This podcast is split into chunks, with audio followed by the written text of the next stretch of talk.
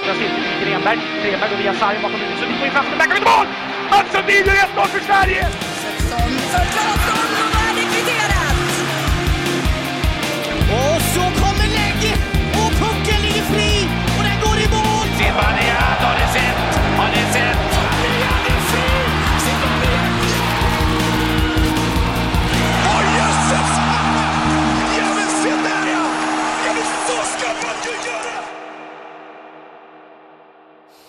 säger välkomna. Det är väl avsnitt 85 av podcasten ut som eh, är 15 avsnitt ifrån tresiffrigt jävla avsnittsnummer. Helt jävla otroligt. Eh, Andreas Elbeck är på semester. Det här är Sveriges tidigaste semester vi skådar. Det här är jag och du som sitter här i alla fall, som ska ta ner hockey-VM som väl avslutar liksom hockeysäsongen utöver. Det är bara Stanley Cup kvar, eller hur, hur känner du när hockey-VM är slut? Då är det också officiellt slut någonstans, eller väntar du till Stanley Cup är slut innan, innan du officiellt säger att det är över?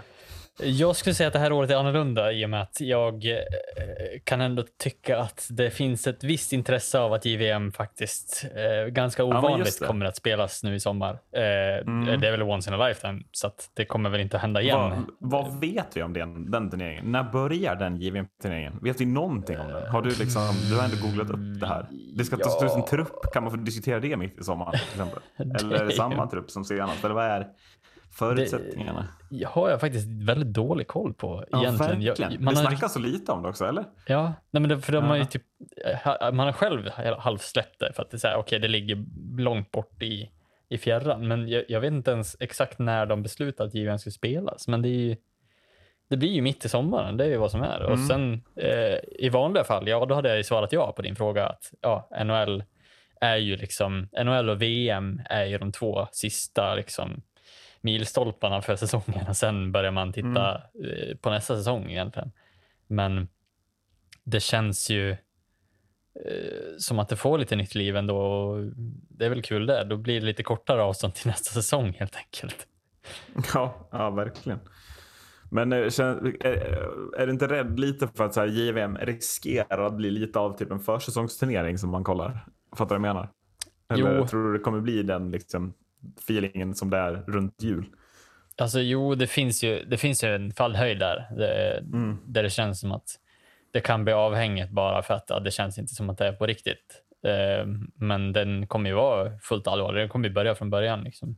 Det har de ju eh, varit ute och kommunicerat. Så att, eh, jag hoppas väl ändå att de spelarna som miste chansen i, i det inställda turneringen som var, eh, att de verkligen känner att det här är den riktiga chansen.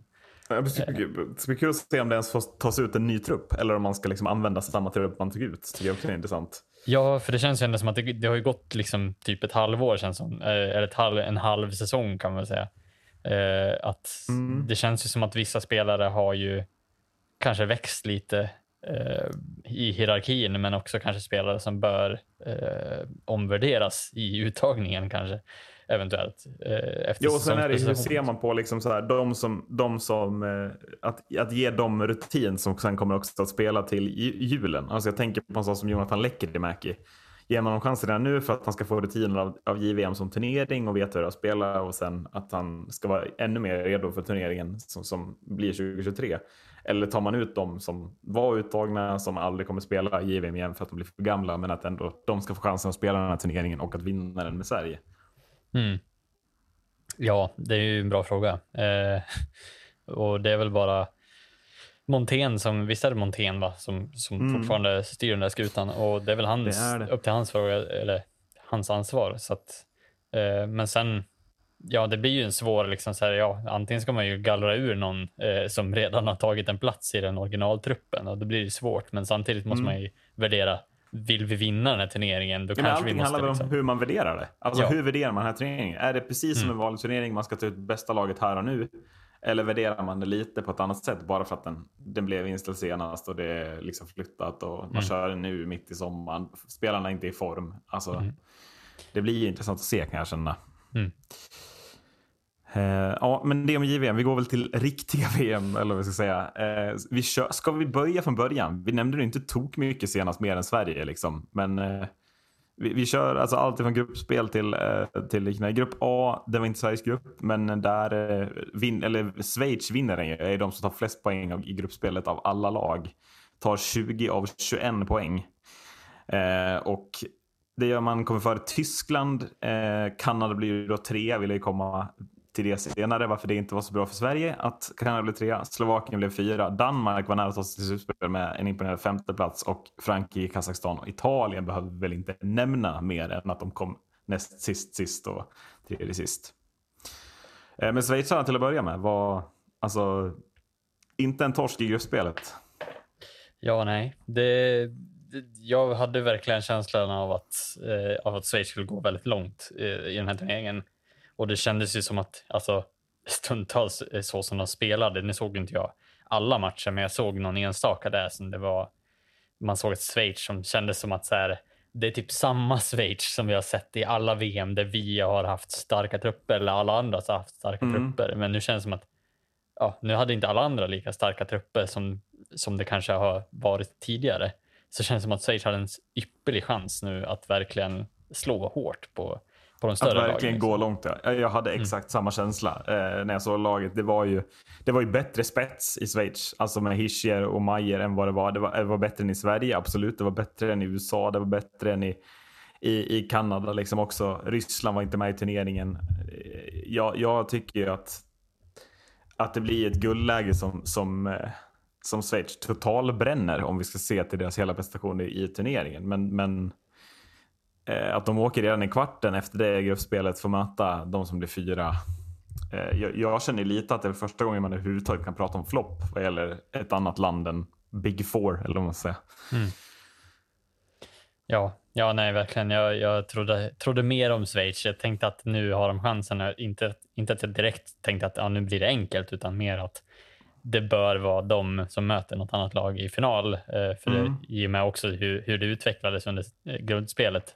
Att det var verkligen så det kändes inte som att topplagen eh, riktigt kom upp i den nivå som Schweiz höll i, i gruppspelet heller. Sen är det ju, det ska ju avgöras i, i slutspelet också. Så att, ja, det, det gäller ju att gå hela vägen. Det är det som är lite Mm. charmen med den här turneringen. Att du kan vara hur bra som helst i gruppspelet, men samtidigt ryka väldigt fort. Eh, så att, ja, du har bara en chans på dig i slutspelen också. Det är väl det som eh, gör det här lite extra jo, men, spicy. nej, men det, jag menar, det, det som väntade var ju också liksom, alltså de hade ju fått det bästa möjliga motståndet i, i, även i semifinalen ju. Så att Mm. det väntade ju enklast möjliga väg i ett slutspel och klarar man inte av det att göra det bättre än att man inte ens gör ett mål i ett slutspel så finns det ju lite att fundera på när man har det här läget att så här, kan, man kanske inte är ett land som ska gå in som favoriter då. då. Det var väl tydligt att det var den rutinen som saknades. Att USA behövde ju inte föra spelet utan Schweiz var ju favoriter att vinna. Mm. Vilket väl i sig aldrig har hänt innan antar jag. Att Schweiz är favoriter mot USA. Men Mm. ja, Ja, nej, det, det är som du säger. Det, vissa lag trivs inte som, som favoritlag, utan de, de ska inte föra spelet, utan de ska, de ska mer styra det åt det sättet som de brukar spela på. Eh, Ja, men de är inte vana med pressen heller tänker jag. Det, var, det här var väl första gången i ett slutspel också. Jag tänker att Schweiz hade lite press på sig hemifrån. Det började Mm. tjattras lite i Bern eller Zürich eller andra städer i Schweiz. Jag inte kommer på just nu. Mm. Att här, men nu kanske det kan hända något här. Intresset har växt. NLA ska växa med fler importer. Man kommer få bättre spelare för att KHL blir massflykt från. Eh, här var det väl liksom ett lyft för Schweiz, schweizisk hockey i allmänhet, tycker jag, eh, som har genomgått eh, i och med det här hemska kriget. Mm. Eh, och det blir lite, lite antiklimax, skulle jag ändå tro, eh, i hemlandet. Att det här är väl första gången som det, det, det öppet kan kritiseras för hur man tar sig an en match och att ja, man inte alls kommer upp i den nivå som man ju visar att man har. Jag menar 6-3 mot Kanada i gruppspelet är ju bara inget annat än starka papper. Jo. Absolut, och jag menar det stödet som de har med sig till Finland också. Jag fick ju några insider-videos där från eh, kontakter som jag har i, på schweiziska lägret faktiskt. Nej, eh, det- var imponerande att se uppslutningen utanför arenorna och hur de hade sina ramser och det såg verkligen ut som att ja, de, eh, de är inte där för att komma och bli utslagna liksom, utan det, det kändes som att de hade verkligen eh, stormat Finland lite. Mm. Eh, och ja, nej, men det, det är synd att de, de inte kommer längre än vad de gör i den här turneringen. Då. Eh, ja, eh, Kanada då, i, om vi ser till gruppspelet. Eh, man, man torskar ju mot Schweiz, det, det är väl liksom så. Sen kommer ju den här mycket märkliga torsken mot Danmark som gör att man blir trea då. Eh, och Tyskland tar istället andra platsen. Det kändes väl ändå... Vad kände du när Danmark torskade mot...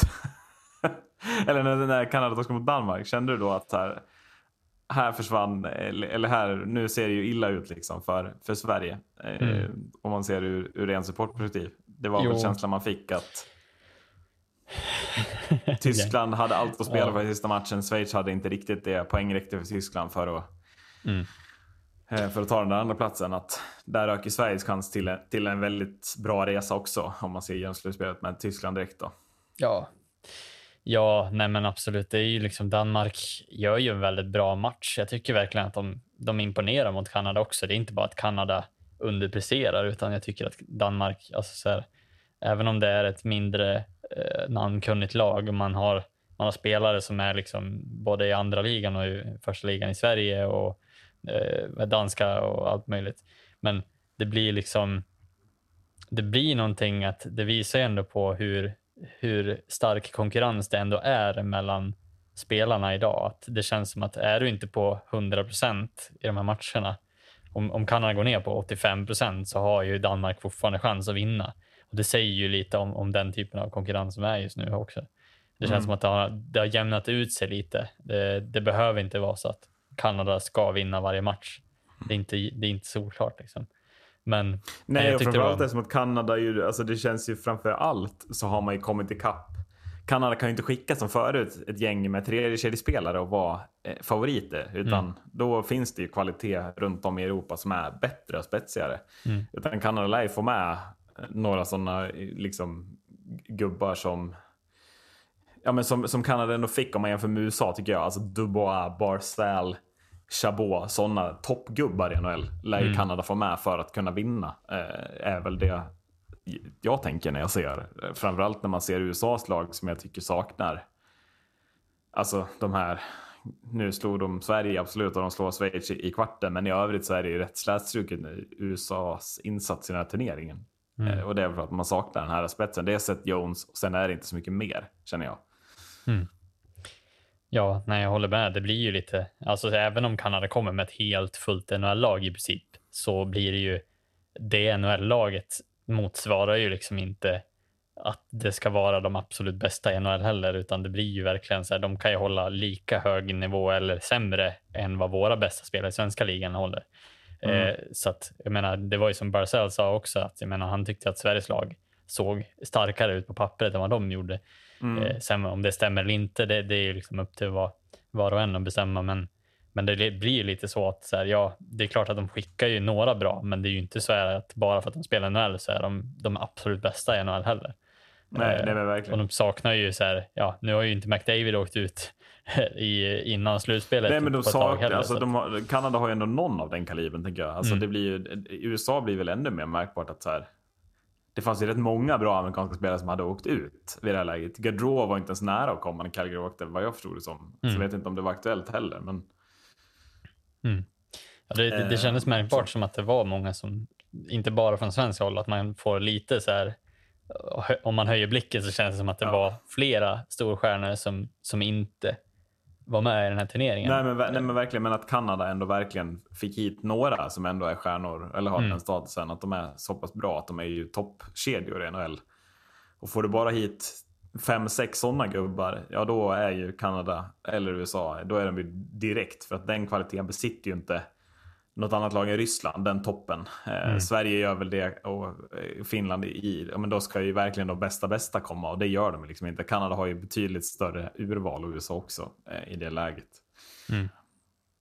Eh, Men Tyskland då? Fortsätter bara att liksom utvecklas som hockeynation känner man. Eh, Och Det kommer snart en VM-turnering där Edmonton inte alls gått lika bra. Där Leon Draisaitl kan finnas med i det här laget. Eh, är väl känslan. Då är jag inne på att det snart kommer också en turnering där Tyskland går alltså fruktansvärt långt. Eh, För att de blir bara bättre och bättre varje år, känner jag. Ja, nej men verkligen. Och jag menar, eh, det börjar ju dyka upp sådana här. Stützle har ju bara fått liksom de absolut första åren i NHL än så länge. Och det känns ju lite som att, ja, Dreisaitl är ju en sån otroligt etablerad stjärnspelare i NHL just nu och de Mm. börjar ju dyka upp några få till också som börjar vara liksom, ja men börjar göra bra turneringar hela tiden och det känns ändå som att de har eh, kapital kvar. eh, Jo, men jag att- menar, fyll på med Moritz Seider också då. Ja, precis. Eh, Och kanske, vad heter han i kassen som stod nu? Som är, eh, Grubauer också. Alltså, Ja. det, det där är ju toppklass NHL som Tyskland kan fylla på med i, i liksom ett, ett redan samspelt lag. Det är ju ruskigt intressant känner jag. Mm. Eller kul också att fler nationer. Det är ju det som kan höja VM. Att fler Mm. nationer kan bli, göra det liksom roligare. Ja, men precis. Och jag menar, eh, jag menar om de här kan börja eh, ploppa upp liksom lite små stjärnor. Sen Schweiz har börjat komma upp med liksom en hel del eh, stjärnor också som är eh, kaliber med de absolut största också. Så det, det känns verkligen som att ja, det gäller att hänga med eh, och, vad heter framöver också. Eh, bland alla, alltså, vi kan inte börja slappna av de större lagen.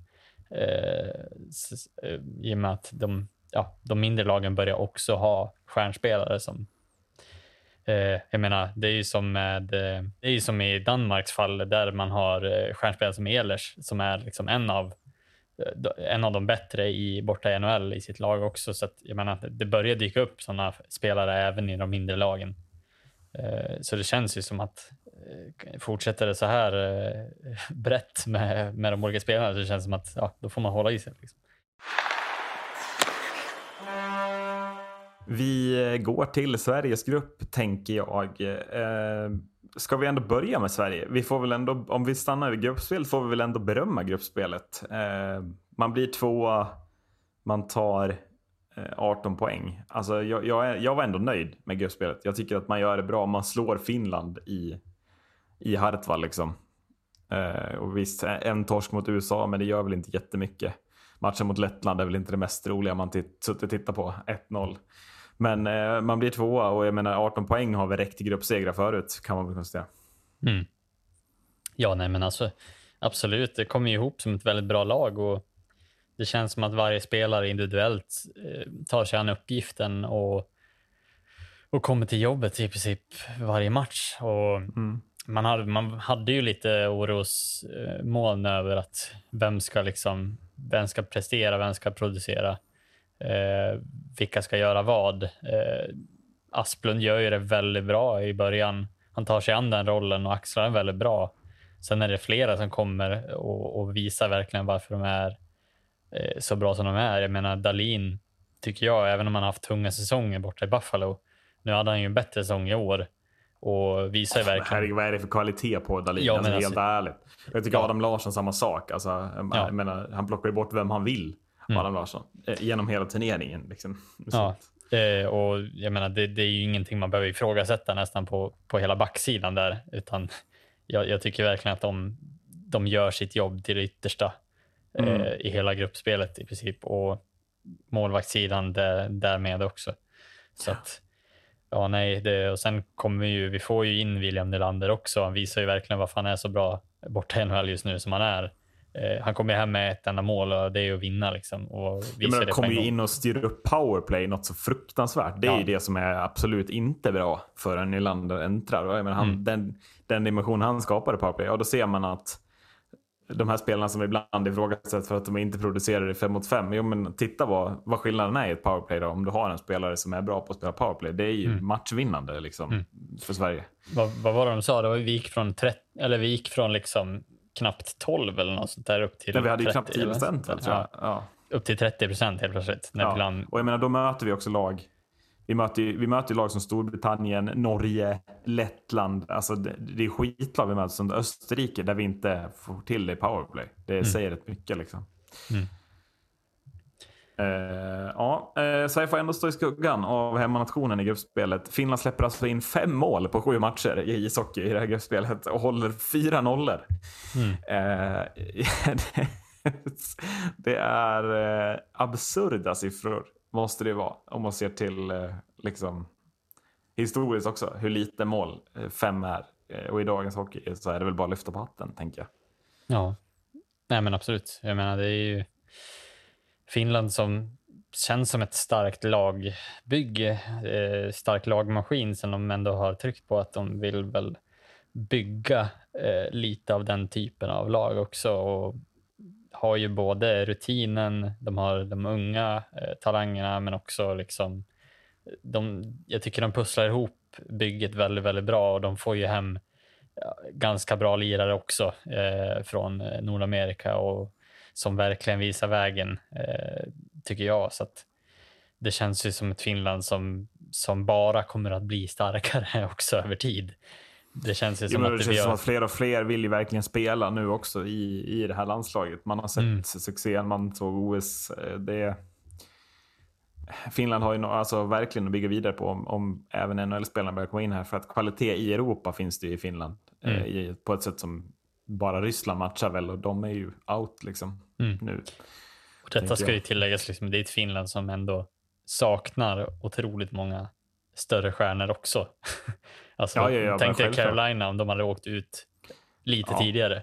Mm. Tjena, Sebastian men- Aho liksom i... Ja, ja, det, det, är liksom, det, det är svårt att greppa att, att det här laget är så pass bra samtidigt som de saknar så många bra som de gör. Jag menar, Line är väl inte heller med i, i den här truppen. Så att, Nej, nej men så, det, det, det är klart det finns spelare man saknar. Jag menar, det finns ju också spelare, men, men det, det är ju liksom...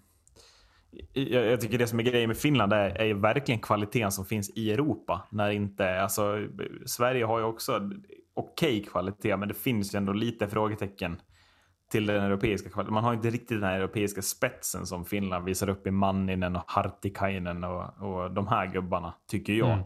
Som har varit toppspelare i KHL. Utan svenska spelare har ju mer varit att man vill bort till NHL och sen några har gått till KHL. Liksom. Men det är ju mer Mm. Mattias Tedenby-typer än Sakari Manninen-typer kanske. mm, Så. vi har för många fixstjärnor. Eller fix och tricks istället. Ja, men det, det blir liksom lite att, att man vill spela liksom en offensivare hockey. Sverige är ju en mer defensiv hockey. Det ser vi ju också på spelarna som kommer in från svenska ligan. Alltså, det finns ju en väldig höjd, om vi ska gå till det, alltså väldig höjd i det defensiva spelet som man klarar av på en väldigt hög nivå när man kommer från SHL kontra de spelarna man ser komma från KHL eller NLA stundtals ju. Eh, för att inte tala om den tjeckiska ligan, om vi ska gå till Tjeckien. Eh, här är det ju genom hela turneringen, alltså det är ju full, alltså full fart framåt för Tjeckien, men bakåt så läcker det ju alltså något så fruktansvärt väl. Eh, Mm. Det är liksom, ja, framförallt i slutspelet. Så, eller liksom så, det, det är några matcher, det är för mycket insläppta mål. Alltså, och, och, in, och släppa in lite mål mot, mot vad heter det, liksom Norge och Lettland och de här länderna. Men det, det, är, ja, det är torsk mot Österrike, det är, man släpper fem mot Sverige. Det, det är, Finland liksom, gör man ingenting på framåt heller. Och sen är det liksom, eh, släpper åtta eller sex mot Kanada. Eh, Det är ju bra offensivt men defensiven släpper man väl på för mycket känner jag. När jag ser Tjeckien i turneringen. Jag, jag blir inte riktigt klok på dem heller om jag ska vara ärlig. Nej. Nej, så är det ju. Och det känns ju som att de har ju fått fram väldigt många bra offensiva spelare över tid, men det känns saknar lite spetsen på backsidan generellt. Jag, jag kommer inte på en enda bra tjeckisk back inser jag nu när jag försöker. Nej, jag vet inte Nej, riktigt är vad, man, inte, alltså, ja. vad, vad man vågar liksom eh, gissa på heller. Eh, Nej, nej. Vad är det? Spisen som har... Det- Ro- Ronek, eller vad heter han? Men det är Ja. den kvaliteten vi pratar om. Typ andra backpar i Detroit. Det är dit Ja. de är på backsidan. Men Sverige skickar in liksom Adam Larsson och Dahlin och ja. Ja. Ja, nej, det blir ju väldigt, eh, väldigt platt, liksom, platt lag på det sättet. Även om de får ju in liksom bra, de får ju bra eh, spelare på slutet där med Pasternak också. Så att, eh, offensiven går ju inte så att ifrågasätta. Och Hertel också sen tidigare, Jakob Mm. Vrana. Alltså, Ja men du ser ju offensiven är ju så jävla mycket bättre, defensiven. Det är ju helt otroligt faktiskt. Ja. Och sen är det ju, jag menar David Krejci och, och Roman Cervenka, de är 36 år och har spelat hur många VM som helst. De vet ju hur precis hur man producerar. Cervenka liksom, har väl spelat varenda VM sedan 2001. Nej men alltså, du förstår vad jag menar. Alltså, det, han är ju med varje år. Han, han är Ja. 17 poäng i årets VM. ja, Det är helt otroligt bra. Ja. Han vet precis hur man ska spela den här det här formatet. Ja, men det, ja. Han vet, han vet vad han gör. Mm. menar, han blir inte sämre för det, utan det Nej. kommer ju bara fortsätta. Ja. Eh, något annat, alltså, så här, USA.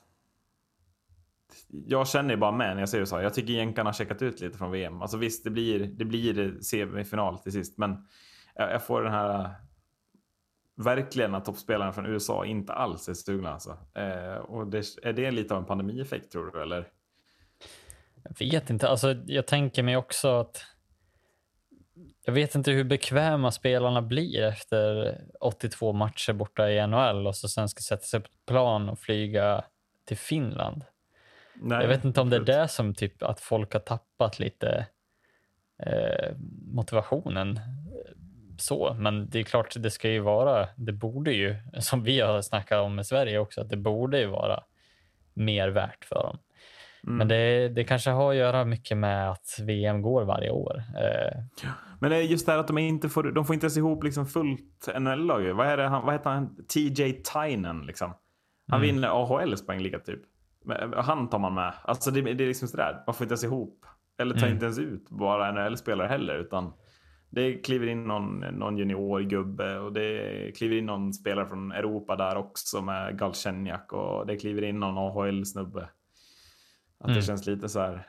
Du får spela VM, du får spela VM, du får spela... Alltså lite, lite ja. ja, Jag, jag får feelingen att det är nedprioriterat på ett annat sätt eh, jämfört med vad det varit innan. ja, och det, jag vet inte vad det är effekten av egentligen, att de bara har tappat liksom eh, intresset kanske är lite lägre. Det kanske inte känns alls lika värt att vinna ett VM för USA för att det inte är på hemmaplan eller något sånt där. Mm. Eh, jag vet inte riktigt varför. Det känns ju oerhört mycket mera eh, hype över JVM eh, när det kommer till USA och Kanada än, än vanliga VM. Eh, men vad det beror på rent spelarmässigt. Eh, jag kan förstå fansen för att det känns lite mer av, avslaget kanske, men Ja, Och att Stanley Cup fortfarande pågår ju. Ja, effekt. Liksom. precis. Och, och jag menar, det hade ju varit en annan sak om man kunde ha tajmat in det så att det inte är krockar med Stanley Cup. För att Mm. då hade helt plötsligt alla varit tillgängliga. Mm. Eh, även om det känns som att det borde inte spela så stor roll. Alltså det borde ju ändå vara de som är tillgängliga, men Patrick Kane är väl tillgänglig för att vara med i den här turneringen. Eh, Ja men exempelvis. Så Men det, menar- men det är ju massor med lag och massor med amerikaner som åker ut. Och ändå så Mm. kommer det liksom någon AHL-spelare och, och sådär. Att det kommer liksom inte riktigt. Man får dit Quinn Hughes och man får dit, eh, vad heter det, eh, ja men gud vad heter han? Eh, Seth Jones. Men, Mm. men sen blir det liksom nej, inte så ens, mer. inte ens Quinn Hughes. Nej det var väl Luke, men eh, Hughes. fortfarande också lite stjärnstatus. Ja, nej, det, det är ju alldeles för dåligt för att vara amerikanska mått. Det kan jag ju direkt Ja, hålla ja, med men just som man hade önskat. Liksom, Kanada får ju ändå hit en, en femma som är ruskigt bra. Att Mm. Det borde USA också borde man kräva av USA någonstans från IHF också. Att, ja. Men kom igen nu då. Liksom. jag menar, de har ju ändå det var det, fem stycken NCAA NCAA-spelare Ja, jo. Ja, eh, det var- och en AHL-spelare. Så det ju, Mm. Och då är man ju liksom, eller två AHL till och med. Så att, Jo, men jag menar TD Tynan, visst 101 poäng i AHL. Han är ju uppenbart en bra spelare. ja, men han, har väl lite, han ska väl lite automatiskt vara diskvalificerad från ett amerikanskt landslag i och med att han bara är amerikan.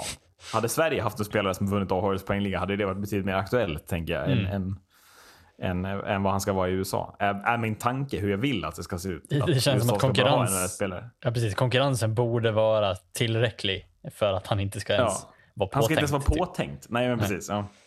Men eh, ja, nej, eh, tyvärr så blir det väl så. Men det, de gör ju det väldigt, väldigt bra ändå. Alltså, tycker jag med det material de har. Det är ju lite att de blir underskattade också kan jag Mm. känna. Lite genom turneringen. Alltså, Sverige underskattar dem lite när man har slagit Finland. Att ja, men USA slår vi. Och, och eh, samma med Schweiz känner jag ju fortfarande. Vi pratade om det tidigare på det, men jag känner ju verkligen Schweiz underskattade USA i den där. Alltså noll mål mot det där amerikanska laget med den offensiva kraften. Det är ju inget annat än underkänt känner väl jag. Liksom. Ja, nej, precis.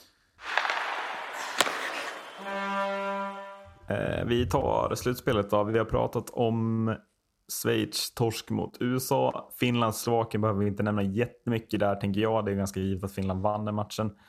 Eh, kort Tyskland, Tjeckien. På tal om eh, powerplay viktigt. Tjeckien med tre mål. Eh, Tyskland utvisar ut sig i den här turneringen. Men var Tjeckien favoriter för dig i den här matchen från början? Eller hur ser du på att Tjeckien tar slutspelsplatsen? Nej, alltså, Eller det, semifinalplatsen? Slutspelsplatsen. ja, nej, men det, det är ju ett spetsigare lag rent offensivt. Har ju Tjeckien och jag menar får de ett powerplay, jag tittar på hur de spelade powerplay den här turneringen.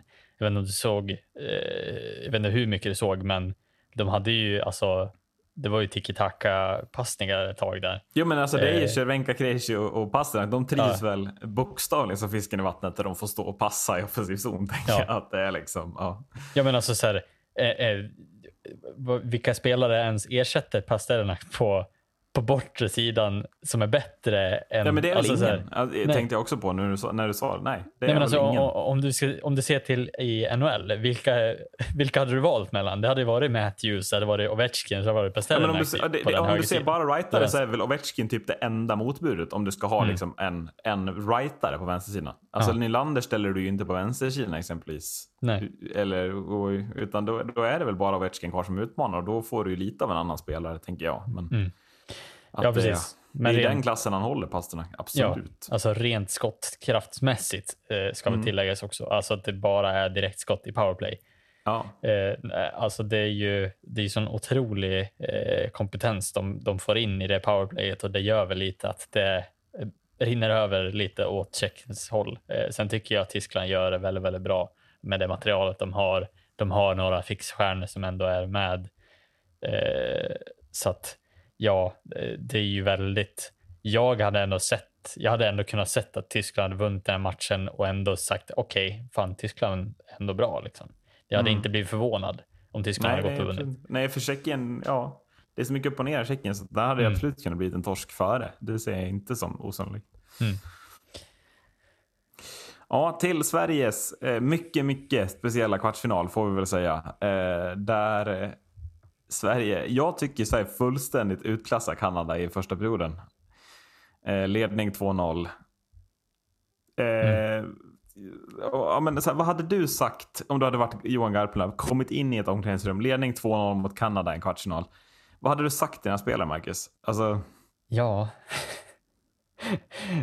Utan att låta klyschig, så, fortsätt spela på den här vägen hade jag väl sagt. Men lite Ja, så här, eh, det, det känns ju som många coacher blir lite så här, eh, okej nu behöver vi inte ri- riskera någonting utan chansa inte, spela enkelt, spela sarg ut. Som, Mm. eh, men alltså så här, ja, jag tror att det liksom blir, blir mycket det snacket när man kommer in. Eh, att så här, bli inte för liksom, få inte för mycket övermod utan spela så som vi ska. Fortsätt hålla gameplan. Håller så här. Det farliga blir väl om man börjar förändra för mycket i sin, sin gameplan om det funkar redan. Det är väl det som jag tror blir den stora eh, här, eh, risken i att om man leder med 2-3-0 om man förändrar den eh, som man spelade innan för mycket så släpper man in dem i matchen. Och det är väl lite det som jag kanske är rädd för att Garpenlöv har pratat om i omklädningsrummet. Eh, att man förändras för mycket helt enkelt. Jo, men och sen framför allt hade man inte gått in och förberett spelarna på att Kanada kommer komma ut och fullständigt tokköra nu i den andra Mm. perioden. Alltså, jag, jag tycker att Garpenlöv som coach här förbereder svenska laget alldeles för dåligt på att Kanada kommer komma ut och liksom vara, vara alltså bara köra, köra, köra. För att det, är som du, det känns som att man har pratat om, som du säger, att spela lite enklare men ändå försöka hålla det liksom, spelet i anfallszon och, och sådana grejer. Men att man gör allting alldeles för långsamt. Alltså man väntar in kanadensarna alldeles för mycket, man tappar alldeles för mycket puck. Alltså Sverige vinner andra perioden med 1-0. Eh, Skotten blir 1-19. Mm. Alltså det är så fullständig överkörning i Kanada att, att jag knappt sett, alltså de är mer överlägsna i andra perioden än i tredje nästan. Och i tredje är det, ja det är inte så att man känner att Sverige liksom är skitbra i en tredje perioden. Eller hur? Alltså, Sverige är bra i första perioden. Sen är det ju den här matchen för mig Kanada, Kanada, Kanada, Kanada. Bara för att Garpenlöv typ inte... Jag känner inte att Sverige är förberedda på att Kanada kommer ut och tokkör. Det är ju både spelarnas ansvar men framförallt Johan Garpenlövs ansvar. Eller hur känner du? Jo, att men det, det blir som att man slänger iväg pucken. ja, det blir lite den här... Eh, det, det som ingen coach vill erkänna att nej, men vi spelar inte på ledning. Men det känns lite som att man Ja. gjorde det. Det känns lite som att okej, nu behöver vi inte släppa in dem i matchen, men vi behöver inte ta några risker. När vi sitter på spelare som är Rasmus Dahlin, William Nylander, Oliver Ekman Larsson. Vi har, alltså, så här, vi har den offensiven för att kunna köra över Kanada egentligen. Så tror jag att man istället för att använda den offensiven till någonting som vi redan... Vi, alltså vi satt ju på Kanada nästan första perioden. Alltså vi verkligen Ja, och det är inte så att Kanada ser så jävla bra ut i egen zon, eller? Nej. Alltså det känns som att det är ganska rörigt, man tittar inte riktigt över axeln. Eh, ja.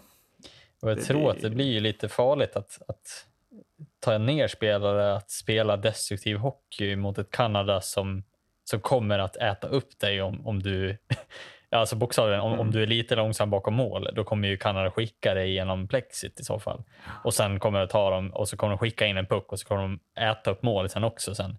Eh, och det är lite så Kanada funkar. Det gör de ju genom hela ledet, även om det är JVM, AVM, OS, vilket annat. Alltså så här, ja, eller fjärde ligan liksom. Mm. Det är ju samma där. Så- För är, är det någonting man har växt upp med, då är det ju alltid ett Kanada som alltid kommer att göra mål om de får chansen. Ja, Alltså- menar, ja. Mm. Får de en millimeter så kommer de ju att sälja sin själ eller sin högerarm för att göra mål. Och det, det är ju det, Mm. de säljer sig så mycket på att bara gräva in pucken framför mål. Och det är ju lite där som, som jag tror att vi förlorar på också. Att det känns som att de bara ha- har viljan mer än vad vi har. Slutet. Men och sen, är, och sen är det just det här, det här ge dem tummen så äter de hela handen. Alltså, Mm. de, vi ger dem tummen i andra perioden, det spelar ingen roll att det står 3-0. De, Mm. de har fått vittring, de har fått övertaget och då, då är det liksom, ja, sen när Da- Dalin då skickar ut den där packouten med fyra minuter kvar trots att vi leder med två mål, ja då, är, då vet man ju att så här, nu, nu är det ganska stor chans att vi liksom blir, blir uppmätta helt här. Och det, det, det känns som att det är Eh, ja, samma men- visa varje gång. Det där. Ja, men alltså, så här, ja, men, och då gör ju då Kanada mål i det här powerplay när Dahlin skickar ut en delay of the game packout. Jätteslarvigt såklart. Det kan hända. Kanada gör 3-2. Ja, men så här, det, är, det är nästan, det är lite mindre än två minuter kvar. Så här. Du ska försvara, då, då kan man ju ändå säga, nu ska vi försvara den här ledningen de sista två minuterna. Vilka spelare hade du då satt in, Marcus? Hade du satt in ett, några bra defensiva spelare med mycket rutin från NHL och liksom de högsta toppligorna. Eller alternativ två, en kedja med eh, en helt orutinerad SHL-spelare, en spelare som inte är center som ska teka och Max Friberg. Ja, nej, det hade jag nog inte. Vilket alternativ tar du? Tar du alternativ ett? Det hade jag gjort nämligen. Jag vet, Ja, eh, och det känns ju lite som att så här, eh, det motbudet som kommer vara är väl lite att så här, ja, de gör en bra turnering, absolut. Men i det här läget så måste man ändå värdera, okej, vi har rutinerade spelare som vet hur man dödar av det här. Vi har alltså duktigare spelare, inte att de är dåliga, men det känns som att det här är inte läget de ska gå in och döda. Hade det varit 3-1, givetvis, alltså skicka in dem för att avlasta, in och jaga amerikanerna i deras zon. Inte i våran zon, där vi har Joakim Nordström, vi har liksom andra spelare som, som är betydligt mycket mer rutinerade. Och ja, de är ju för vi skrek ju det samtidigt där i vår chatt. Var är Joakim Nordström? Han är väl satt på jorden? Han är väl uttagen i den här turneringen för att spela direkt det här händer? Det är väl det han är. Han är väl en av de bästa i världen på att spela 3-2 och liksom bara in och döda, döda, jaga och liksom täcka. Det är ju hans enda, det är hans stora, stora styrka. Och istället så blir det liksom Anton Bengtsson som inte har varit, alltså som inte är center som ska in och teka. Jag menar, på andra sidan står Matt, Matthew Barzal, det är en första center i NHL.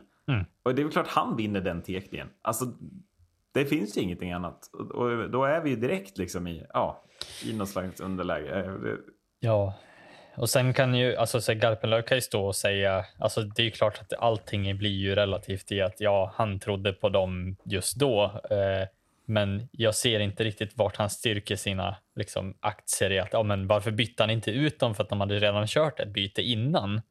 Det var väl det som, som eh, Granqvist belyste också i studion efteråt, att jag menar, de hade väl till och med gjort ett byte innan och fortfarande var kvar på isen istället för att bara byta ut dem snabbt och ta in nej, men nästa och, och, kedja. Och, visa liksom inte det här på, på Garpenlövs stora problem under den här tiden som, som förbundskapten.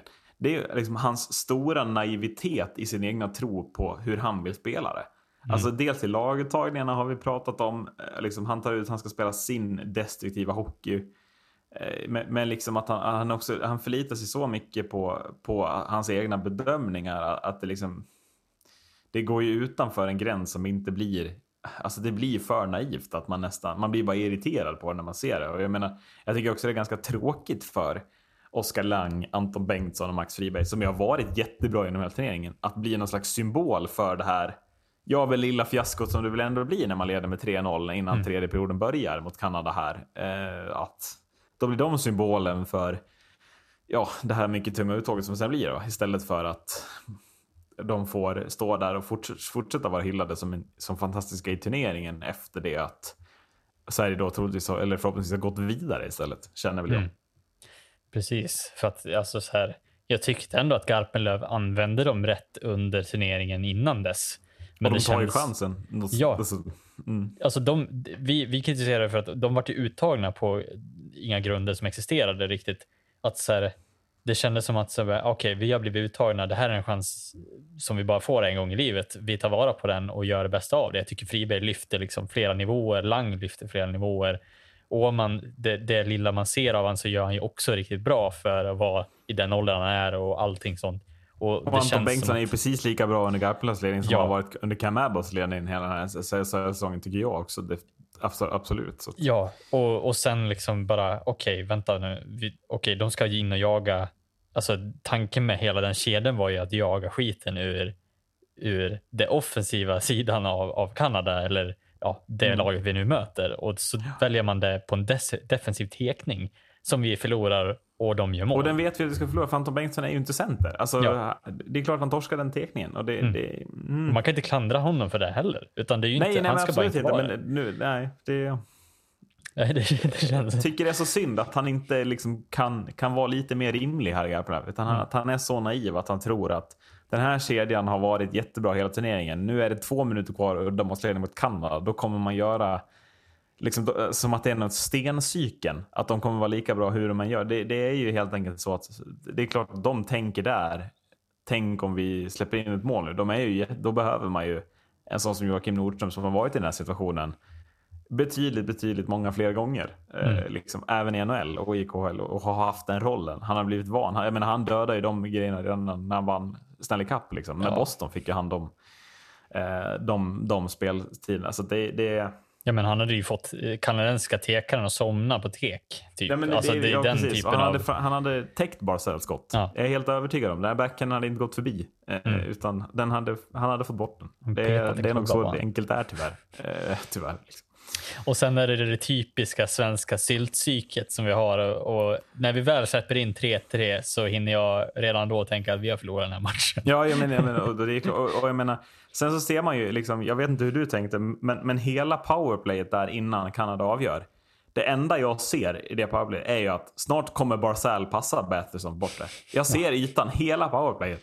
Och det spelar ingen roll att Adam Larssons klubba är två meter lång och han själv känner att han har koll på det. Utan mm. man ser att här, snart kommer den passningen, den kommer gå fram och då krävs det liksom en fantomräddningarnas fantomräddning av Linus Övermark för att det inte ska avgöras. Eller att Batterson bränner. Men mm.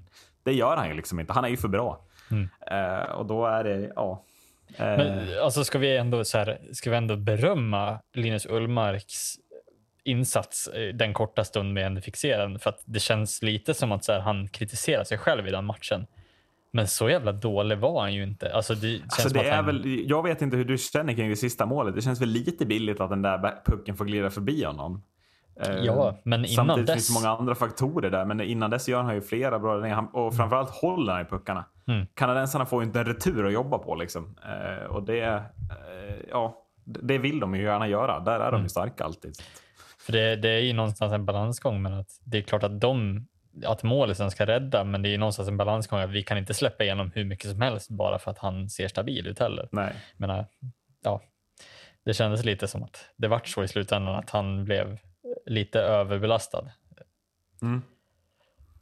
Ja, nej, men sen, fyra mot tre är ju svårt. Och, och så som Barzell ställer upp på hans enorma passningsskicklighet Eh, och då, menar, de ställer ju en gubbe i mitten för att, för att liksom, eller för att, ja, Sverige lär ju stänga någon passning liksom. Eh, mm. Och det är ju den passningen han slår, det blir lite som ett dragskottspassning innebandy. Det är inte många som klarar av den tekniska skickligheten han visar upp där. Eh, mm. klarar ju absolut inte många i världen av. Jag tror folk har svårt att förstå hur skicklig den här passningen är, att han får till det som en dragskottspassning. Och det är därför Adam Larsson inte bryter den heller, för att Annars sticker han, han är beredd att sticka ut klubban. Han lämnar en liten lucka till Batterson för att han ska kunna sticka ut klubban när han ser att passningen kommer.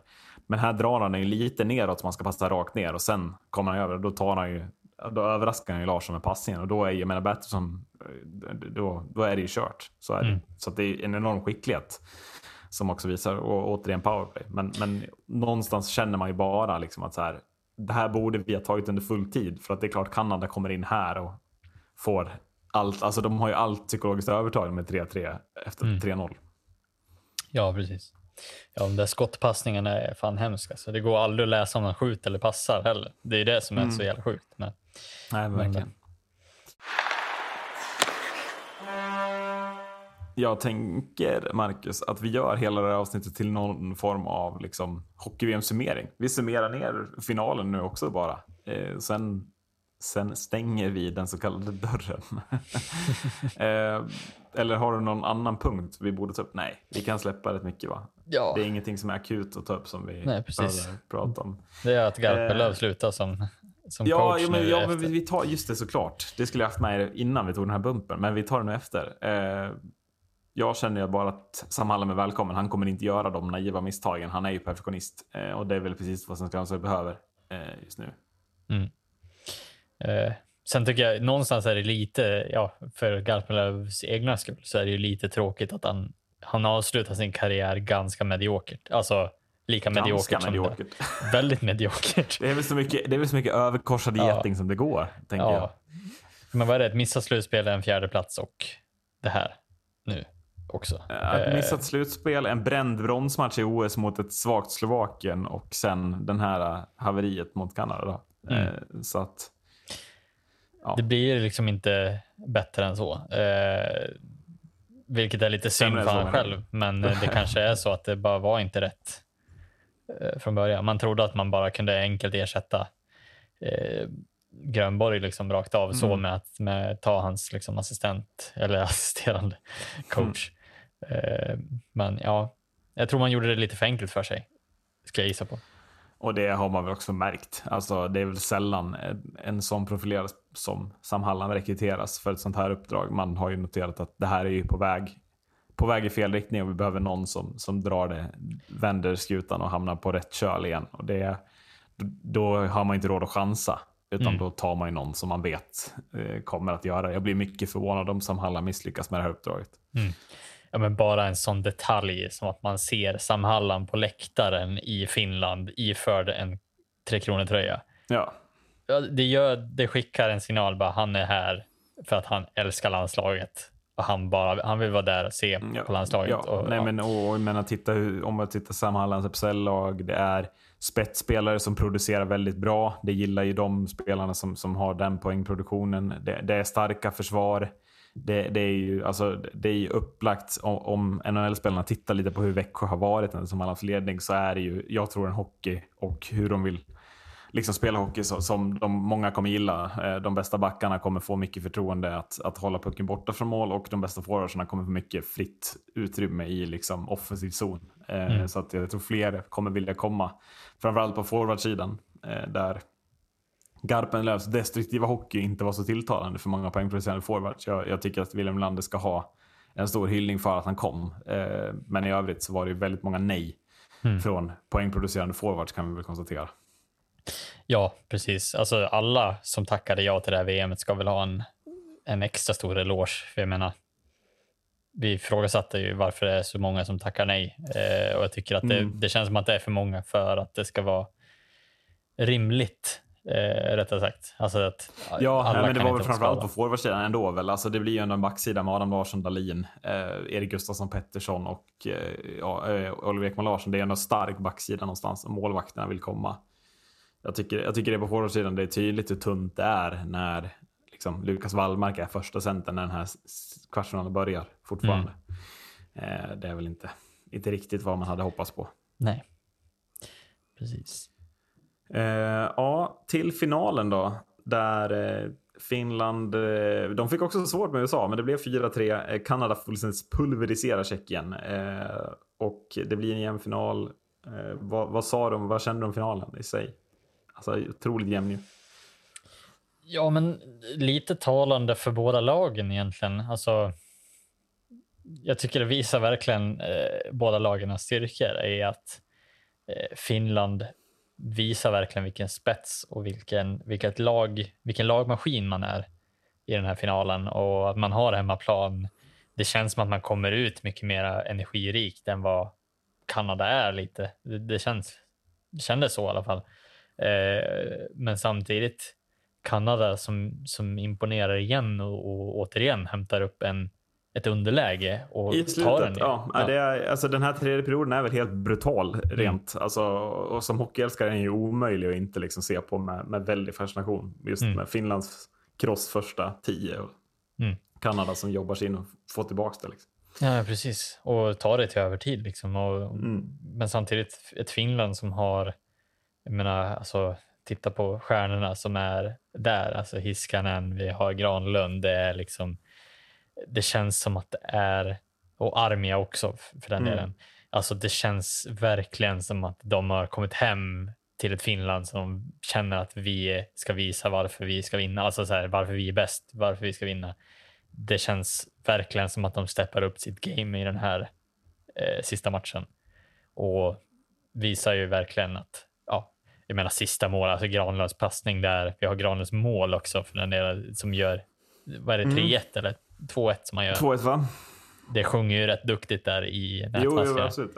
Men ska vi gå till det här sista målet? Det föranleds ju av en, eh, av en mycket intressant situation, tänker jag. Eh, I och med att eh, de, svenska domarna, ja, de blir ju hyllade, de, de är bäst i turneringen, de får finalen. Och det är ju klart att det ska det ju skrivas om i svensk media. Att så är det. Men det är också äntligen lite kvarn på någon, eller vatten på någons kvarn. Att så här, Sveriges domare är inte dåliga, Sveriges domare är bra, kolla här, vi har de som dömer VM-finalen. Eh, Och då är det väl absolut inte den här situationen man vill ska avgöra någonstans den här matchen i och med att eh, det är väl någonstans eh, Hannes Björninen som fullständigt lurar. Jag vet inte om det är Lund eller Nord. Eh, Och faller ju jättelätt eh, och får med sig en tvåa på, på Chabot där. Mm. Eh, vad tycker du om situationen? Håller du med mig om att det är en förstärkning? Eller? Ja, alltså det är ju alltid så jävla svårt att se det i, i slow motion hundra gånger. Det, är väl, det blir ju bara värre och värre ju längre du kollar på det egentligen. Eh, men samtidigt, ja, det blir ju en snackis. Det är väl det som är huvudsyftet, eller huvudsaken. Att så här, det känns som att det blir en dålig snackis för domarparet som ändå fått otroligt mycket beröm för att vara med och vi hyllar svenska domarsystemet att vi har gjort någonting rätt och hela den där biten och så helt plötsligt så kommer ett bakslag på en gång igen. Eh, inte bara internt utan det blir väl internationellt som det, som det ifrågasätts, framförallt från Kanadas håll. Ja, Eh, att den här blir ju direkt avgörande för hela finalen.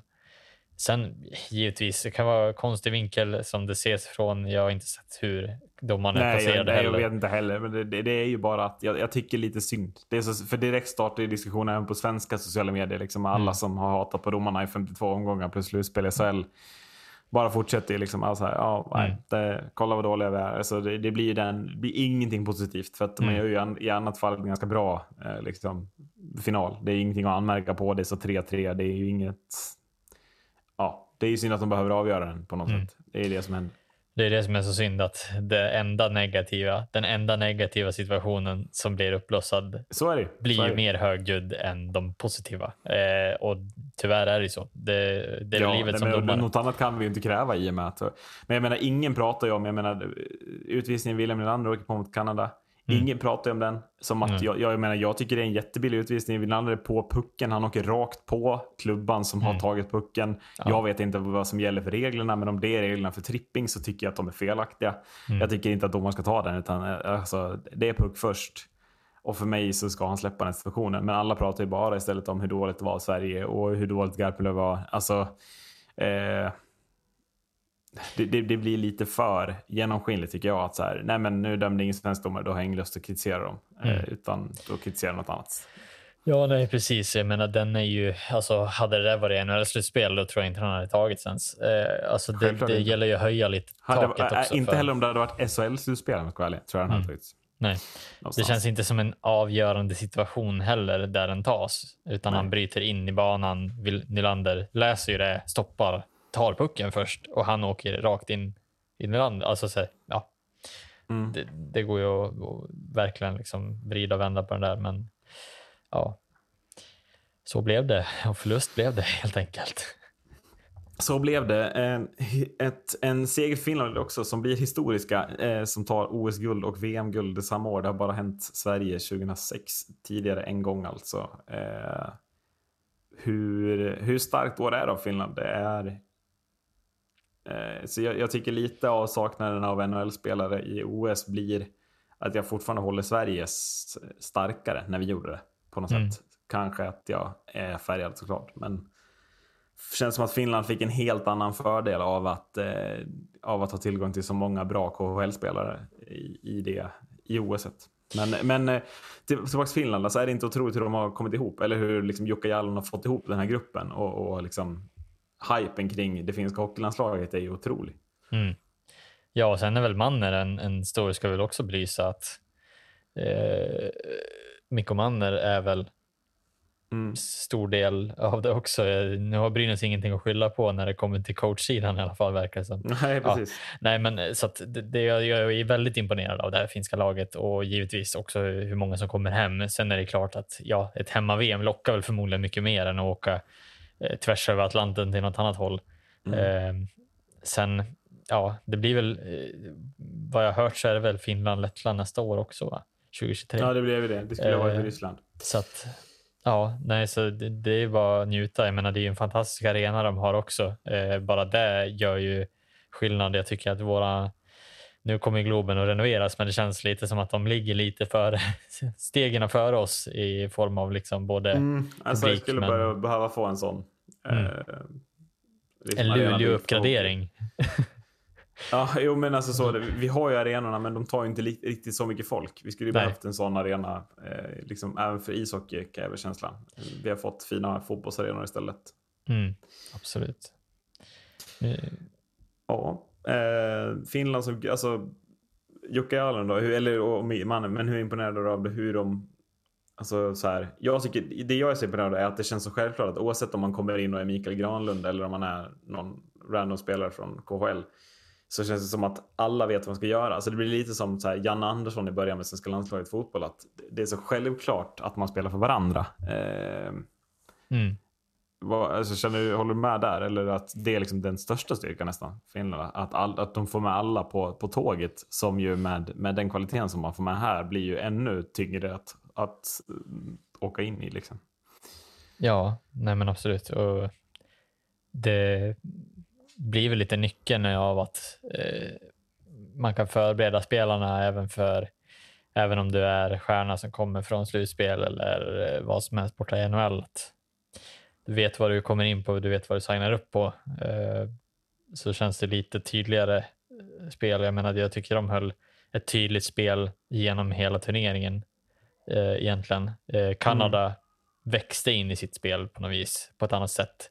Kändes som att de saknade lite den strukturen som, som finländarna, finländarna hade strukturerat ut tidigt i turneringen. Men jag tycker också Kanada, om man ska hylla enskilda spelare, växer så otroligt mycket med att Matt Barzal kommer igång också. Alltså, Mm. Kanada i slutspelet är Kanada med Matt Barzal på ett annat sätt. Alltså, han, är ju, han gör ju poäng alla tre mål i finalen.